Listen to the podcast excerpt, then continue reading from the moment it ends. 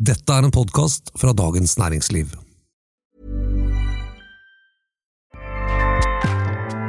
ACAST powers the world's best podcasts. Here's a show that we recommend. This is Roundabout Season 2, and we're back to share more stories from the road and the memories made along the way. We're talking rest stops, if we're stopping to get gas. You will be timed. you will be for sure. Misguided plans, I grew up in the city, so I have like, you know, a healthy fear of real extreme darkness. this was like wilderness. a lot of laughs, Y'all weird, but you, yeah, you, you were different. Like you were real different, bro. I can't really put my finger on it. and so much more. Just goes to show that unexpected things sometimes are the best when it comes to a road trip. Roundabout Season 2, presented by Nissan, is live now with new episodes rolling out every Thursday. Listen and subscribe wherever you get your podcasts.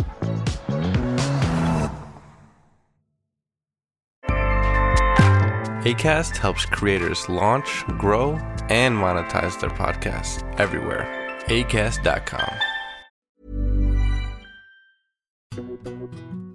Noen av oss har absolutt ikke snakket sammen.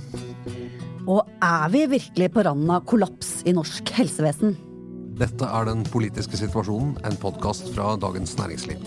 Med politisk redaktør Fridtjof Jacobsen og meg selv, kommentator Eva Grinde.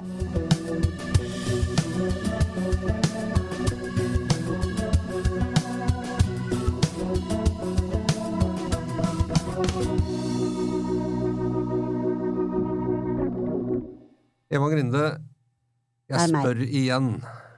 Blir Jens Stoltenberg sentralbanksjef? Nje. um, du selv sier jo neppe. Du har sagt det både på TV og i avisen og sånn. Det må jo da være sant. Jeg tenker at det lureste, da, hvis jeg, hvis, hvis jeg kunne gi et råd da, til regjeringen Det måtte jo være å rett og slett bare close, ansatte, ansette Ida Vollen Bakke og em, og bare si at eh, vi fant ut faktisk at eh, denne doktorgraden i samfunnsøkonomi og erfaring som visesentralbanksjef og leder for pengepolitisk avdeling i sentralbanken og diverse erfaring fra privat næringsliv, det var, hun var best kvalifisert. Og så ikke si noe mer. Nei. Tror du det er mulig? Jeg tror det blir mer bråk eh, og krav om svar og forklaringer hvis Jens Stoltenberg til slutt får jobben, enn hvis Ida Wolden Bakke gjør det. Jeg synes at eh, eh, eh, mye av debatten helt siden Stoltenbergs kandidatur først ble kjent, og senere bekreftet da, på søkelisten og av han selv, har jo vært ganske sånn lik, bare i litt forskjellige former. At uh, man, man har uh, tatt hans på en måte spesielle kvalifikasjoner opp mot hennes åpenbare, liksom formelle kvalifikasjoner. Uh, og så har det vært en grundig og grei debatt om uavhengighet og, og habilitet og, og bindinger videre. Men den siste uken så har det jo kommet litt mer, som kanskje har lagt en ny, kanskje enda mer renskåret politisk dimensjon inn i hele dette ja, vi kan kalle det spetakkelet. Ja, og da sikter du vel til eh, disse avsløringene som kom nå i helgen. Nå, vi snakker nå, så er det onsdag. Så var det altså søndag-mandag, vel, eh, både i Aftenposten og TV 2 om et par middagsselskaper. Eh, som i og for seg er en helt lovlig og fin og hyggelig ting. Eh, men det øker jo denne faktoren av etterlatt inntrykk av kameraderi. Fordi ja, det var jo ikke hvem som helst som hadde, hadde selskap. Det var Knut Brundtland, sønnen til Gro Harlem Brundtland. God gammel venn av eh, de fleste topper i Arbeiderpartiet, vil jeg si, vil jeg tro. Inkludert Jens Stoltenberg. Eh, første middagen han hadde, var i tidlig januar i fjor. Mm. Med, der han da eh, samlet sine to venner. Hvor nær venn han er med Nicolai Tangen, det vet jeg ikke, men Nicolai Tangen var ene gjesten, og Jens Stoltenberg var den andre. Og så var det noen nære slektninger av de, som det står. Litt sånn kryptisk. Ja. Og vi eh, Ja. Jeg tror det var ektefeller og Kanskje et barn, men Antagelig. Hvorfor? Eh, Jeg bare syns det var rart at de ikke skrev det. ja. eh, Nei, ja, og det, og, det- og det var, har blitt sagt da at det, dette med en sånn sentralbanksjefjobben var et tema i, i samtalen rundt bordet i, januar der. Eh, Det husket først ikke Nicolai Tangen, da. Nei, Han uh, huska ikke helt det. Men eh, Jens Stoltenberg huska det. han husket det. Mm.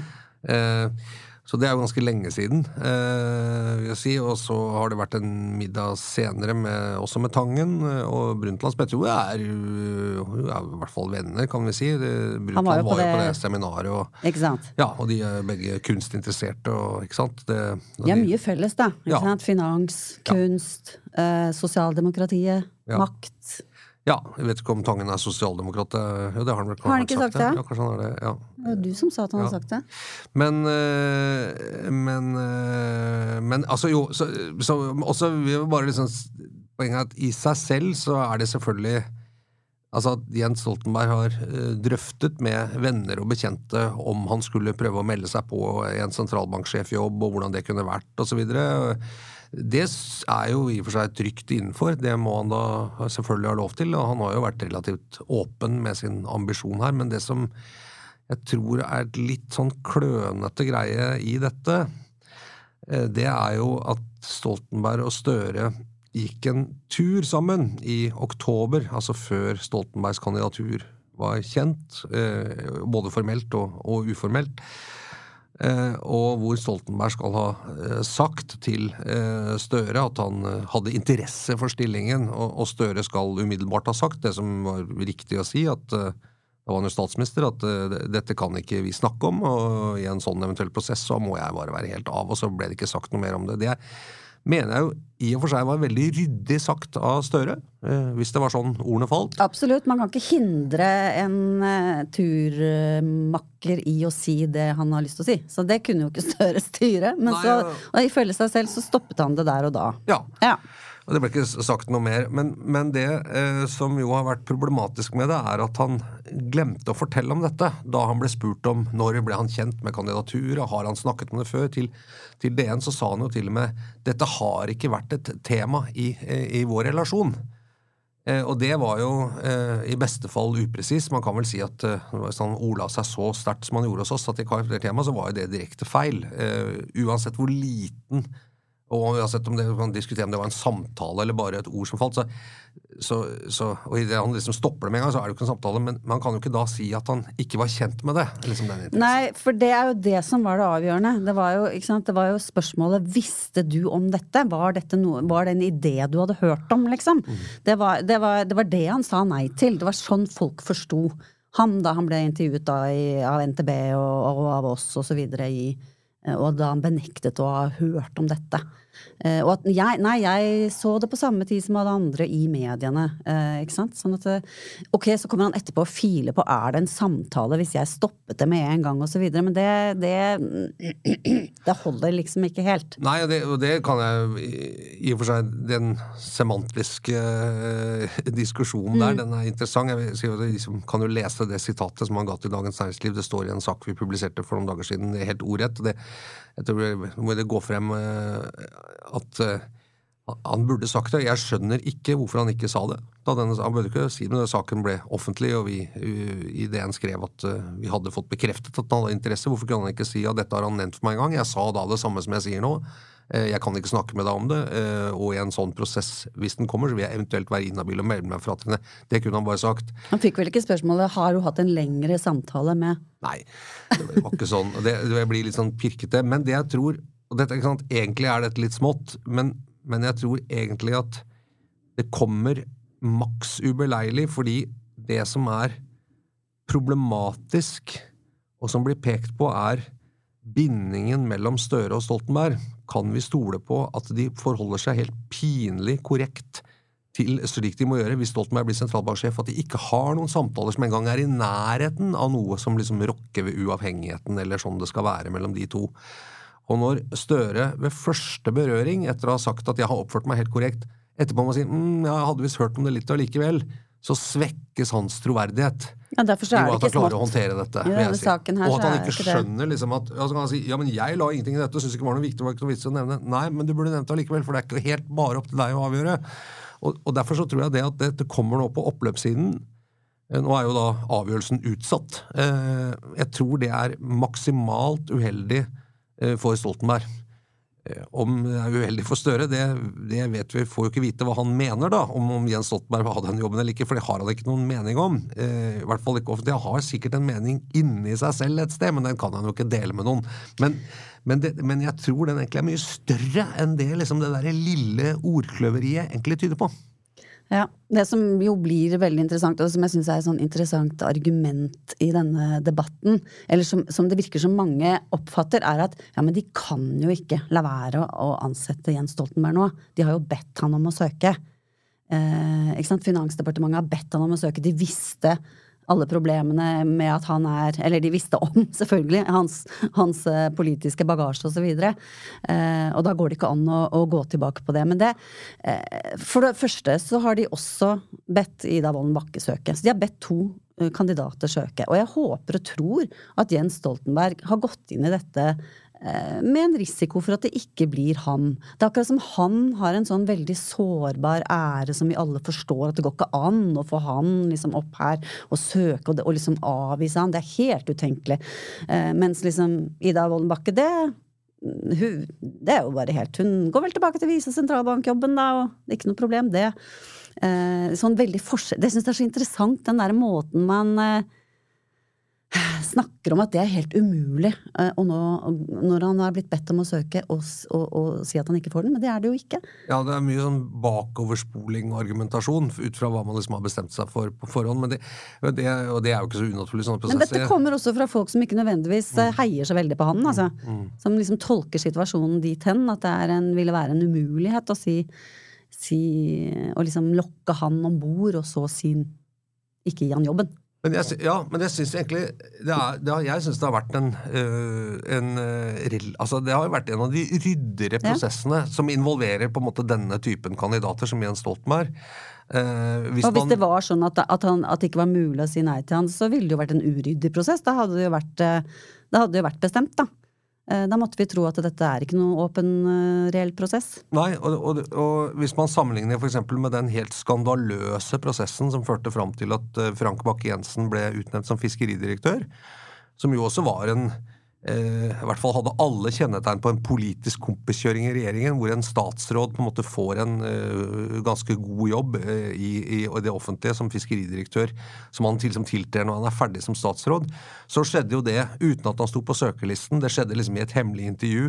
Det skjedde liksom veldig inne i korridorene, og det lukter fiffel og, og bakrom og bakspill lang vei. Og så blir han bare presentert som et fait accompli uten at vi har hatt noe debatt på en måte om det var greit. Jeg, jeg synes disse statsforvalter, tidligere fylkesmennutnevnelse, det, det er på en måte litt mer tradisjon for at statsråder blir, blir fylkesmenn, eller statsforvaltere som det heter nå. Eh, Litt rart at de kan sitte og vente på jobben så lenge, men, men sånn er nå det. Men, men den fiskeridirektørutnevnelsen mener jeg er en, eh, en, den er skandaløs i prosessen, eh, og, og bør kritiseres eh, veldig godt. Og sånn skal det ikke være.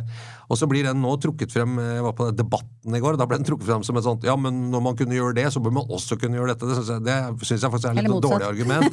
Ja. ja, altså, Vi har gjort noe veldig dumt i siste regjering, så er jo ikke det noe argument for å, for å på en måte gjøre noe som er litt sånn, litt sånn halvskjedig en gang til, hvis man mener det. Det, det syns jeg var litt rart.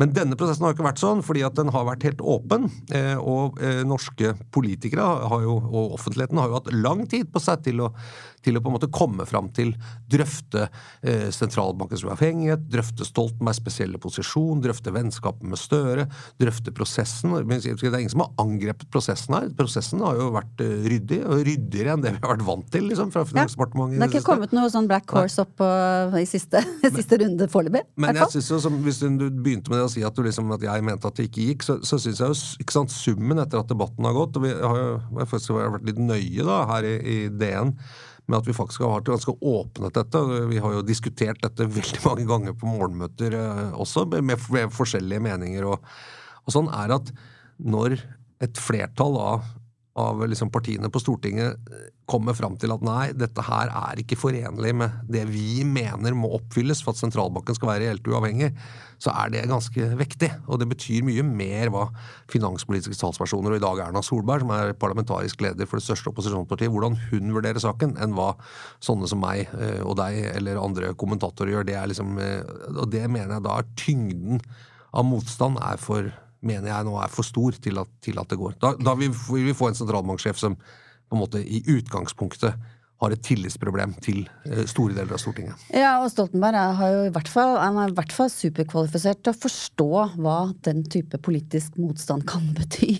altså, han forstår politikk og vet Det kan jo godt hende at han eh, ja. ja men noen har vel egentlig venta på at han skulle trekke den søknaden, men jeg var en, som, eh, en, jeg si, en nestor i bransjen som jeg møtte på gata eh, tidligere i dag, eh, som, som eh, sa at eh, da i Torbjørn Jaglands bok, eh, eller en av bøkene hans, så står det, jeg har ikke lest det, men jeg fikk det gjenfortalt, at, at han hadde eh, spurt eh, Stoltenberg, som da var statsminister, om han ikke kunne få bli FN-ambassadør etter han var ferdig på Stortinget. Og da skal Jens ha sagt at nei, men det, det går ikke, for det vil jo åpenbart være en partiutnevnelse. ikke sant? Så det tåler ikke dagens lys. Det, det var liksom argumentasjonen. Og det, og det er liksom, det er jo en interessant eh, argumentasjon, fordi at da han satt som statsminister, så var han eh, tydeligvis, da, i hvert fall i Jaglands ord, jeg har ikke skjønt at Jagland liksom mente det var så gærent heller, at han var ganske var på type partiutnevnelser, lukka rom, den type ting. at man, De, de optics, som man kaller det. ikke Ja, ja. Eh, Eh, At han, at han så på det. Og det, det, det er også litt interessant å ta med seg i denne prosessen. Da. Ja, det, det, og det er liksom sett i sammenheng også med det som har eh, vært sagt. Hvordan ville dette vært hvis det var en høyreregjering som satt nå og skulle avgjøre, ta denne avgjørelsen? Hadde det vært en, en mye greiere sak da? Ja, en ting som jeg har eh, tenkt på det. det er egentlig tenkt å skrive en kommentar, men jeg kan til for lytterne av den politiske situasjonen kan de få dette litt poenget nå. da. Eh, Tidlig pluss. Ja, det er litt veldig tidlig pluss, eh, som vi kaller det. Nei, det er jo altså, Hvis man skulle begynne å tenke hvis man sier at sentralbanken, og det tror jeg vel er festet, og det er til og med lovfestet i den nye loven, at den skal ha en helt særskilt uavhengig posisjon til, til regjeringen, mer enn direktorater og, også, og ambassadører og sånn. Ja, er- direktorater er jo overhodet Er ikke uavhengige. Ja, ikke? De er jo styrt og ja. ja. ikke sant? Ja, jo, altså, de skal jo ha en egen faglig integritet osv., men, men likevel. Jo, jo. Eh, men, For eh, tildelingsbrev og sånt. ja, men, eh, men at eh, La oss si at en annen institusjon som også på en måte ligger formelt liksom sorterer og utnevnes i statsråd, er jo høyesterettsdommere, eller høyesterettsjustitiarius, da. Som jo også har en helt særegen uavhengighet, ikke sant. Eh, og det tar vi jo for gitt liksom, i, det lærende om de tre statsmakter osv. Men, men tenk om en regjering skulle hvis eksempel den forrige regjeringen skulle sagt at nei, Monica Mæland, eh, justisminister og ju- jusutdannet og, og sånn, og nå partner i et av Norges største advokatfirmaer, nei, hun skal bli høyesterettsjustitiarius, for nå er det viktig liksom at vi har en med, med god liksom eh, eh, erfaring fra politikk og sånn for å styre det og ledelse osv. Altså, vi, vi ville jo bare, bare ved å si det, så ville jo alle bare liksom himlet med øynene og sagt har dere gått fra vettet? Ikke sant? blitt, ja, den, er- ikke sant? Måten å tenke på sentralbanken på er ikke så dypt eh, forankret, ikke sant? men med den uavhengigheten, sånn som vi tenker på Høyesterett. Så der blir det jo veldig, veldig tydelig. Eh, Det hadde jo blitt akkurat de samme Ja, det hadde blitt eh, akkurat de samme innvendingene, for å si det mildt. Ja, ja eller eh? Eller eh, la oss si en annen, bare som et tankeeksperiment, en annen fremtredende økonom som også har drevet med politikk, eh, Jon Gunnar Pedersen, som jo var statssekretær i Finansdepartementet og en, en fremragende økonom på mange måter og har ledet mange viktige utvalg osv. Jeg tror også han på en måte ville vært uansettelig bare fordi han har vært statssekretær ikke sant? Og, hatt en politisk ting i, det, i den jobben slik det er nå Uansettelig som sentralbanksjef. Mm. Eh, for han var høyremann, og, ville man tenkt ja, det var kompiskjøring, ikke sant. Og han har jo vært liksom, han er venn av Han er også venn av, god venn av Erna Solberg, hvis, hvis vi skulle tenkt på det, ikke sant. Selv om han sikkert også ville sånn formelt liksom skikket jobben. Altså, Men han er ikke Norges store sønn, da, vet du. Nei da, men, men altså bare for å ta noen eksempler. Ja. det er jo, uavhengigheten er liksom det samme. Eh, Men det ville vært mye enklere å konkludere, tror jeg. Liksom. Det er jo liksom den Stoltenberg-faktoren som på en måte overskygger litt det Og den er, ja, og den er, veldig, den er veldig interessant. Altså, det har jo mye vi, vi, vi har jo alle et forhold til eh, Jens Stoltenberg, liksom. Det, er, eh, det, det blir en sånn Ja, vi har et slags eierskap til han. og et ønske om at han skal komme tilbake og få gjøre det han har lyst til. Virker det som. Jo, altså, det, jo, det, er, det, er liksom, det, er, kanskje litt mer enn det, for det som også trekkes frem, som jo man kan si egentlig kanskje taler til hans fordel, er den posisjonen han har som styreleder i oljefondet. Uh, og at liksom det, det, vil jo være et argument for at den, altså hans bakgrunn er på en måte mer relevant kanskje som styreleder for oljefondet, som, som også vår kollega Bård Bjerkholt har skrevet, enn en kanskje akkurat som uh, sentralbanksjef. Ja, Bortsett fra at han har ikke noe spesiell erfaring med forvaltning av formuer. Sånn, at det, det, Ja. Men han er kjempegod til å holde Nicolai Tangens ører. Er det vi ja, har bestemt oss for? Han har jo en veldig god innsikt tror jeg, liksom, i internasjonale forhold og internasjonal utvikling, som, som selvfølgelig oljefondet er eksponert mot. Men, men han trenger ikke å være forvalter på den måten. Det er flere på en måte politisk bakgrunn som sitter i styret på, på Ja, men det er, det er, en, av, det er en, av, en, av, tingene som listes opp som kompetansekrav til stillingen, da. Ja, men, ja da, absolutt. Men det er sånn eh, det er en interessant, eh, interessant debatt. Men jeg, jeg, som sagt, jeg tror liksom vekten, og, og, akkurat den siste runden, at Støre var omtrentlig da, i sin omgang liksom med, med, i det vi må si var en del av prosessen her, nemlig den lille utvekslingen. Skal ikke kalle det en samtale, vi er nøye med det, men av informasjon mellom de to på tur. Eh, det, det, tror jeg kanskje var litt større eh, enn det man helt klarer å se. For det, det tyder på liksom litt problemer med å skjønne hvor uhyre presis man er nødt til å være i denne omgangen, og hvor sensitivt akkurat forholdet mellom de to er. Eh, og jeg, jeg klarer fortsatt ikke å fatte at han ikke kunne bare si det. Nei, det var dumt. Skjønner du det? Det var dumt, av Nei. Hva kan være motiv, motivet Aner ikke. ikke si det? Altså, det, ene kan være liksom Nei, jeg fikk spørsmål har dere hatt en samtale, og jeg forstår samtaler slik at det er, det er ikke bare noen få ord. Det, men det er nesten litt sånn autistisk, holdt jeg på å si. Så jeg tror ikke det er Jeg tror han skjønte at meningen med spørsmålet var Visste du om dette? Hadde du hørt om det på noe vis? Visste du at han var interessert? Liksom? Visste du at ja. han var interessert? Altså fordi det er interessant om han visste det eller ikke. Og det, det, kan ikke tenke meg at han ikke skjønte det. Nei, nei jeg syns det er veldig rart. Så hvorfor gjemme det bort? Nei, jeg vet ikke. Og, øh, nei, vet ikke. Altså, det første vi vil tenke som journalister, er jo når du da skjulte det, så er det fordi det er et eller annet å skjule her. Eh, det er jo det første du tenker. Hvorfor holder du det liksom unna offentligheten? Ja, ja, men det må, kan jo være det. En redsel for at det kan tolkes i en retning som, uh, som svekker både han og Stoltenberg på et eller annet vis. da. At mm. Prøver å liksom minimere den kontakten de har, gjøre den mindre enn den egentlig er. Og det, det er jo ikke bra. Altså, det er jo som du åpnet med å si også, det er jo med å da bare understreke hele poenget med hvorfor det er problematisk mm. med Stoltenberg som kandidat. Ja.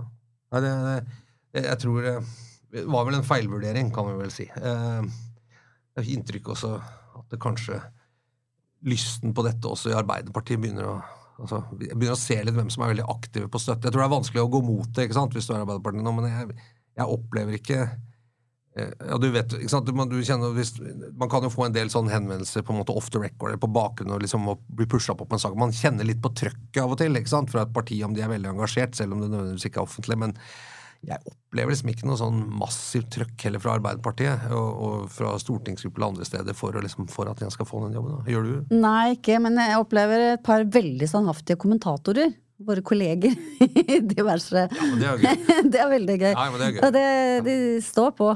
Vi tar ansvar. ikke sant? Det, det, ble ringt opp i dag av Dagsnytt 18 og så sa de ja, vi får jo ingen politikere til å uttale oss om dette, så dere må komme og være pausefiskere, for vi må ha noe på saken. Så kan dere ikke komme og snakke enda For en herlig invitasjon! Det er da bare sånn mitt liv som pausefisk.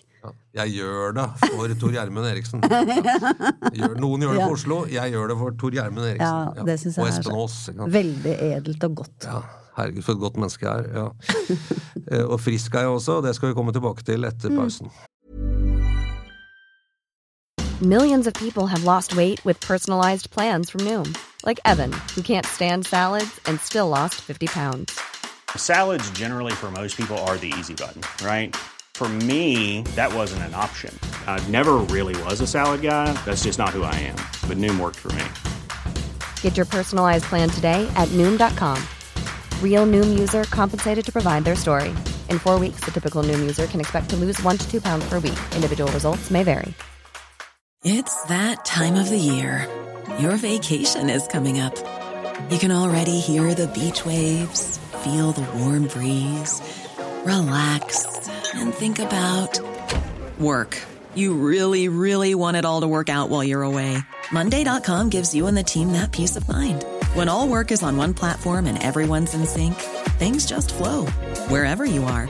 Tap the banner to go to Monday.com. Ryan Reynolds here from Mint Mobile. With the price of just about everything going up during inflation, we thought we'd bring our prices down. So to help us, we brought in a reverse auctioneer, which is apparently a thing. Mint Mobile unlimited premium wireless. Ready to get 30, 30, bit to get 30, bit to get 20, 20, 20, bit to get 20, 20, bit to get 15, 15, 15, 15 just 15 bucks a month. So, Give it a try at mintmobile.com slash switch. $45 up front for three months plus taxes and fees. Promo rate for new customers for limited time. Unlimited more than 40 gigabytes per month. Slows. Full terms at mintmobile.com. Men eh, ja, for Eva Grinde eh, denne, allerede i morgen, da, da er det onsdag, eh, men ja, torsdag kveld Det kan hende du har allerede fått med deg dette når du hører denne podkasten, men, eh, men så er det da en pressekonferanse, og det er jo eh, ikke sant, koronatiltak. Hva skjer? Eh, er vi ferdige? Blir vi syke? Blir vi smitta av sjukehus? Hva. Hva skjer? Hva skjer? Hva skjer torsdag? Det eneste jeg lurer på, kan jeg gå ut og drikke øl i helgen? Ja, det er, det, er jo det, det er jo det vi lurer på. Um, kanskje kan noen gå og drikke øl, hvis de bor på Utsira for eksempel. Eller et annet sted hvor ikke det er så mye smitte. Uh, det er jo en viss sjanse for at man, uh, at man hva heter det, differensierer dette forbudet mot alkoholskjenking. I den Ok. forstand at det ikke gjelder absolutt alle over hele det ganske land, men at man lar det være i større grad opp til kommuner. Sant? Som var det finansminister Trygve Slagsvold Vedum varslet for en stund siden. Ja. Og så har vi da hatt varsel fra FHI i dag onsdag om at eh, denne vinterbølgen kommer til å bli ganske heftig Ja. og svær.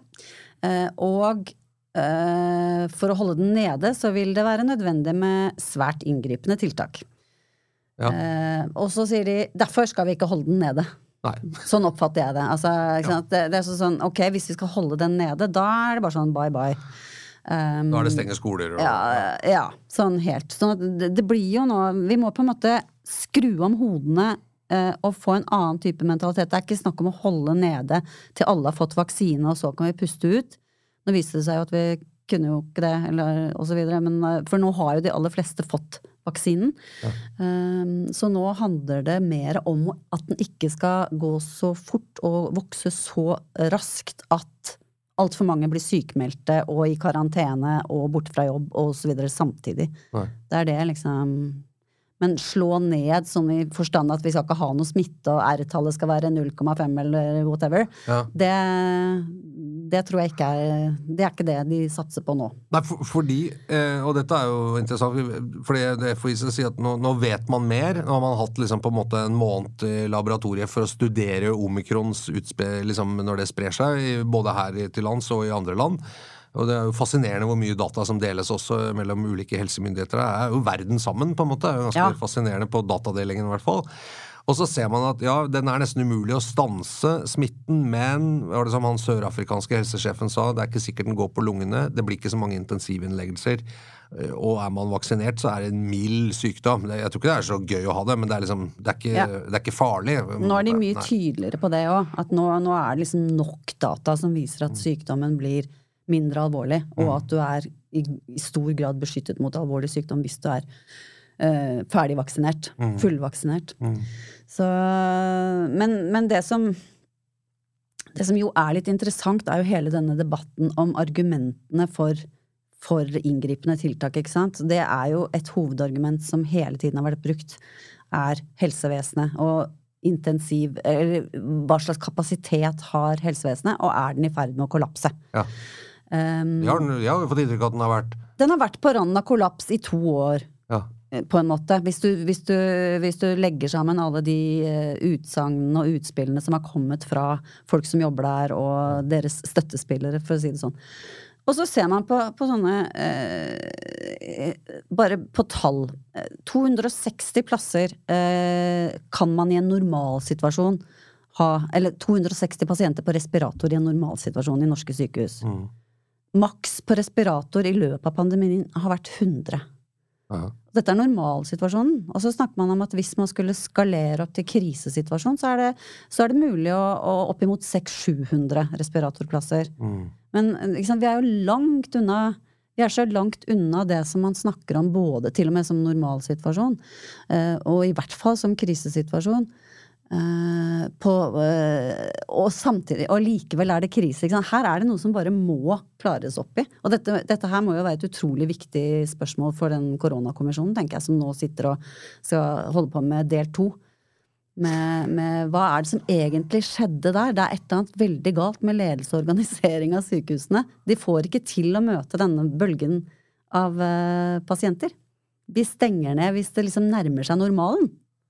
Jo, men samtidig så har det jo ikke kommet noen rapporter om at noen på en måte har mistet livet eller blitt alvorlig syke fordi det ikke har vært kapasitet. De har jo klart å ta unna det som har kommet. Eh, selv når det gikk ganske kraftig unna, som f.eks. i de første ukene etter mars i, ja, 2020, så har man jo hatt, klart det.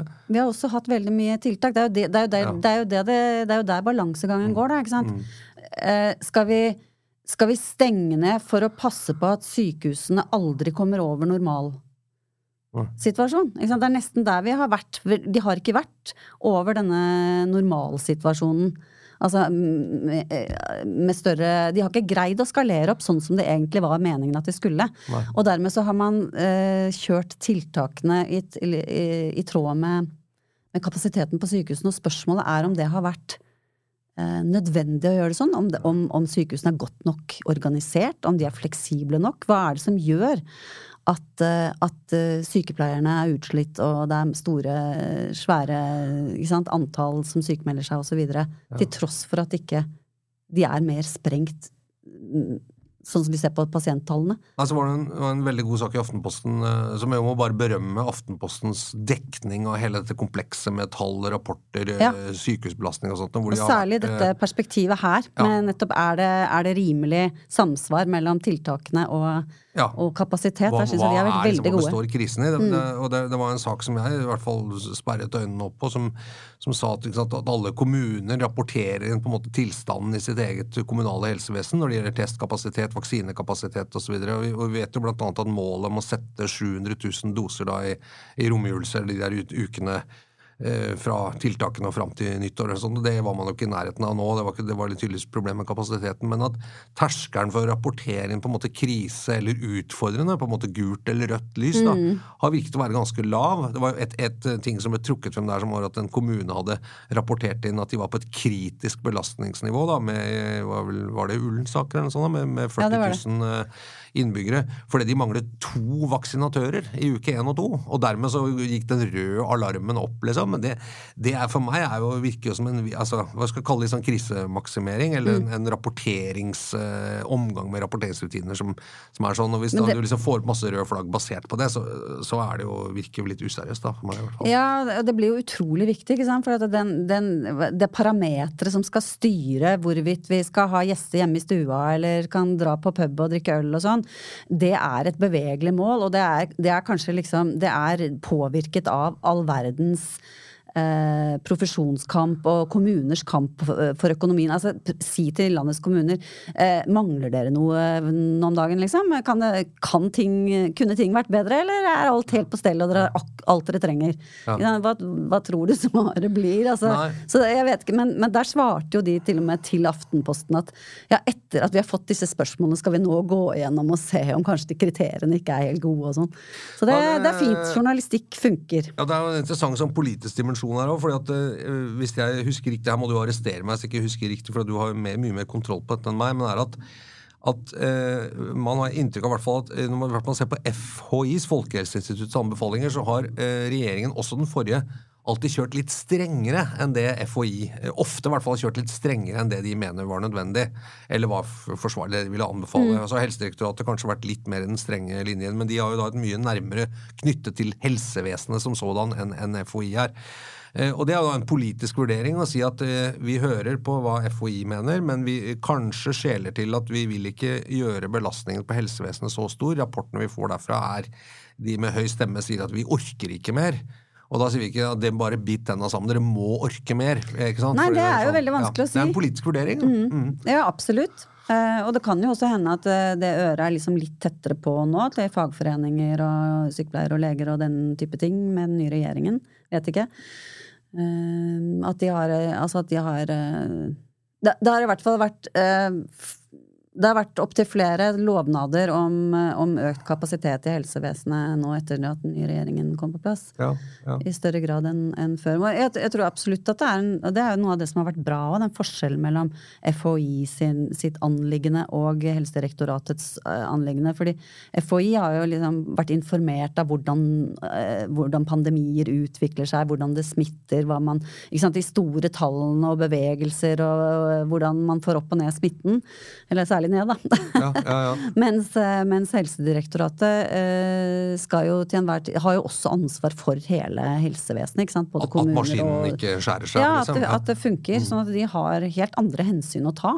Men det er jo liksom de to tingene sammen som har som, ja, i hvert fall når det funker, så funker det bra. Å få med begge perspektiver, for å si det sånn. I Sverige så har det jo kanskje, si det litt enkelt, så har det kanskje vært litt mer på bare FHI-bagen. Eh, ja, ja. Og, og, mye mindre politikk, da. Eh, også i hvert fall i perioder når det gjelder det. Men, men det er jo, det er, da er vi inne i en sånn veldig si, en sånn ganske typisk politisk dimensjon, som er at liksom pressgrupper eller folk som har noe, ikke sant, og bekymring skal ikke liksom bare si at det er en særinteresse eller en pressgruppe på linje med noen i en utbyggingssak eller, eller en sentralbanksjefutnevnelse. Det er liksom ikke der. Men, men det at man, man, får ganske klare og ganske tydelige og ganske høyrøsta liksom, signaler fra én gruppe som sier at for oss, liksom, og vi ser, vi ser, bare vår egen gruppe, naturlig nok gjør vi det, akkurat som lærere eller journalister eller hva som helst, så vil vi kreve sånn og sånn. Og så gir man kanskje etter eh, for noe. Men så kan det da ramme andre grupper, og hvis den andre gruppen blir stor nok, på en måte, eller hvis liksom ikke argumentene sånn holder, så, så blir det liksom freden man skaper seg hos en eh, avgrenset gruppe, får man liksom eh, dobbelt så mye drit igjen fra de som da blir sure. ikke sant? Og da blir en regjering ofte sittende her. Det som krevende med å være regjering er jo å betjene dine egne interessegrupper, men samtidig må du ikke gjøre det så mye at liksom resten av folk blir forbanna. Det, det er veldig krevende, eller, eller må lide unødig av det. Det er krevende øvelse. Jeg synes også jeg har, skrevet litt om helsevesenet opp igjennom, men noe av det som kompliserer det også, er at det fins veldig ofte to ganske forskjellige virkeligheter innenfor ett og samme sykehus. Altså du har, du har, på en måte eh, ledelse som forholder seg til rapportering og tall og oppdrag og sånn, ikke sant. Og så har du veldig, veldig sterke fag, fagfolk som gjerne kan gå eh, ut og si stikk motsatte ting og si at dette går overhodet ikke bra, vi er på, vi er på sammenbruddsrand osv. Så, videre. så det er fryktelig vanskelig å skjære gjennom og finne ut hvem, hvem bygger hvilke tall på hva, og hvem har egentlig rett og rimeligheten på sin side. Ja. Det er ikke alltid så veldig klart. Nei, det, er en, det, er ganske interessant. Det er kjent ikke bare fra helsevesenet eller politikken, men sikkert fra veldig mange arbeidsplasser. Ja, men det kommer så tydelig fram der, for de er så sterke. Ja, ja. Og det er svære, det er svære Og klare, og, det, og, og de, de, de, hersker over liv og død, og de har frykten i baklomma som, som, som pressmiddel. Men blir det øl her i Oslo, tror du? Jeg tror kanskje ikke i Oslo. Tror ikke det? er mitt tips. Nei. Raymond Johansen har lovet oss at Oslo ikke skal være stengt et sekund lenger enn nødvendig. Ja, jeg veit det. Men, Men hvis det er noe sted som kommer til å opprettholde skjenkestoppen, så er det vel Oslo? Eller? Nei, jeg vet ikke. Det, jeg kjenner ikke nok til tallene. Men det, det, blir tøft, da, hvis liksom det kan åpnes rundt omkring i Norge, og han er nødt til å si at nei, her folkens må vi holde igjen liksom, noen uker til. Det, det sånn minner jo om den andre situasjonen da Oslo var stengt veldig lenge, mens ja. resten av landet var åpent. Da, dro de i kø, de med bonuspoeng og gode lønninger, til Trondheim for å spise på restaurant og drikke seg fulle, liksom. Ja. Eller så tok de toget, sånn som en journalist hos oss gjorde. Ja. Eskil Engdahl fant ut at det gikk an å få servering på toget Oslo-Trondheim. Skrev reportasje. Den var veldig, veldig bra. Ja, Med tegninger. ja, det stemmer det. Ja. Eh, men det varte ikke så lenge, da, så han ble stuck på Hamar sånt. Ja, det var, ja, det var noe sånt. Det var dramatisk. Vi får spørre Eskil Engdahl om hva vi skal gjøre nå, da. Eh, vi kommer, hvis vi kommer dit. Men uh, dette var den, så langt vi kom i, med den politiske situasjonen denne uka. Uh, dette er altså en podkast fra Dagens Næringsliv med kommentator Eva Grinde og meg, politisk redaktør Fridtjof Jacobsen. Du kan høre oss uh, så å si hver uke. Eller hver uke, vi sier hver jo, uke. Jo, ja. det skal være hver uke nå. Eh, hvis ikke belastningen blir for stor. Eh, men eh, da skal vi gi beskjed. Eh, produsent er Oskar Bremer. Vi blir glad hvis du sprer budskapet, abonnerer og liker og deler og gjør alt det andre for å spre en podkast ut i det litt mystiske universet. Men dette var ukas sending. Vi høres igjen neste uke.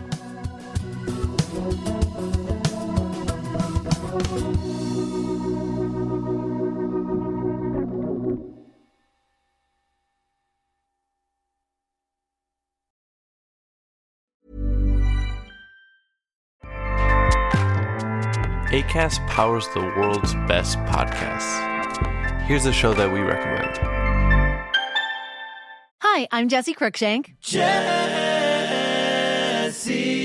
Cruikshank. I host the number one comedy podcast called Phone a Friend. Girl, let's phone a friend. Not only do I break down the biggest stories in pop culture with guests like Dan Levy and members of InSync, I do it with my own personal boy band singing jingles throughout. Because it's my show. It's your show, girl. New episodes of Phone a Friend Yeah. drop Thursdays wherever you get your podcasts. So work it, girl. Yeah, work it. Okay, that's enough. ACAST helps creators launch, grow, and monetize their podcasts everywhere. ACAST.com. Du har nå hørt en podkast fra Dagens Næringsliv.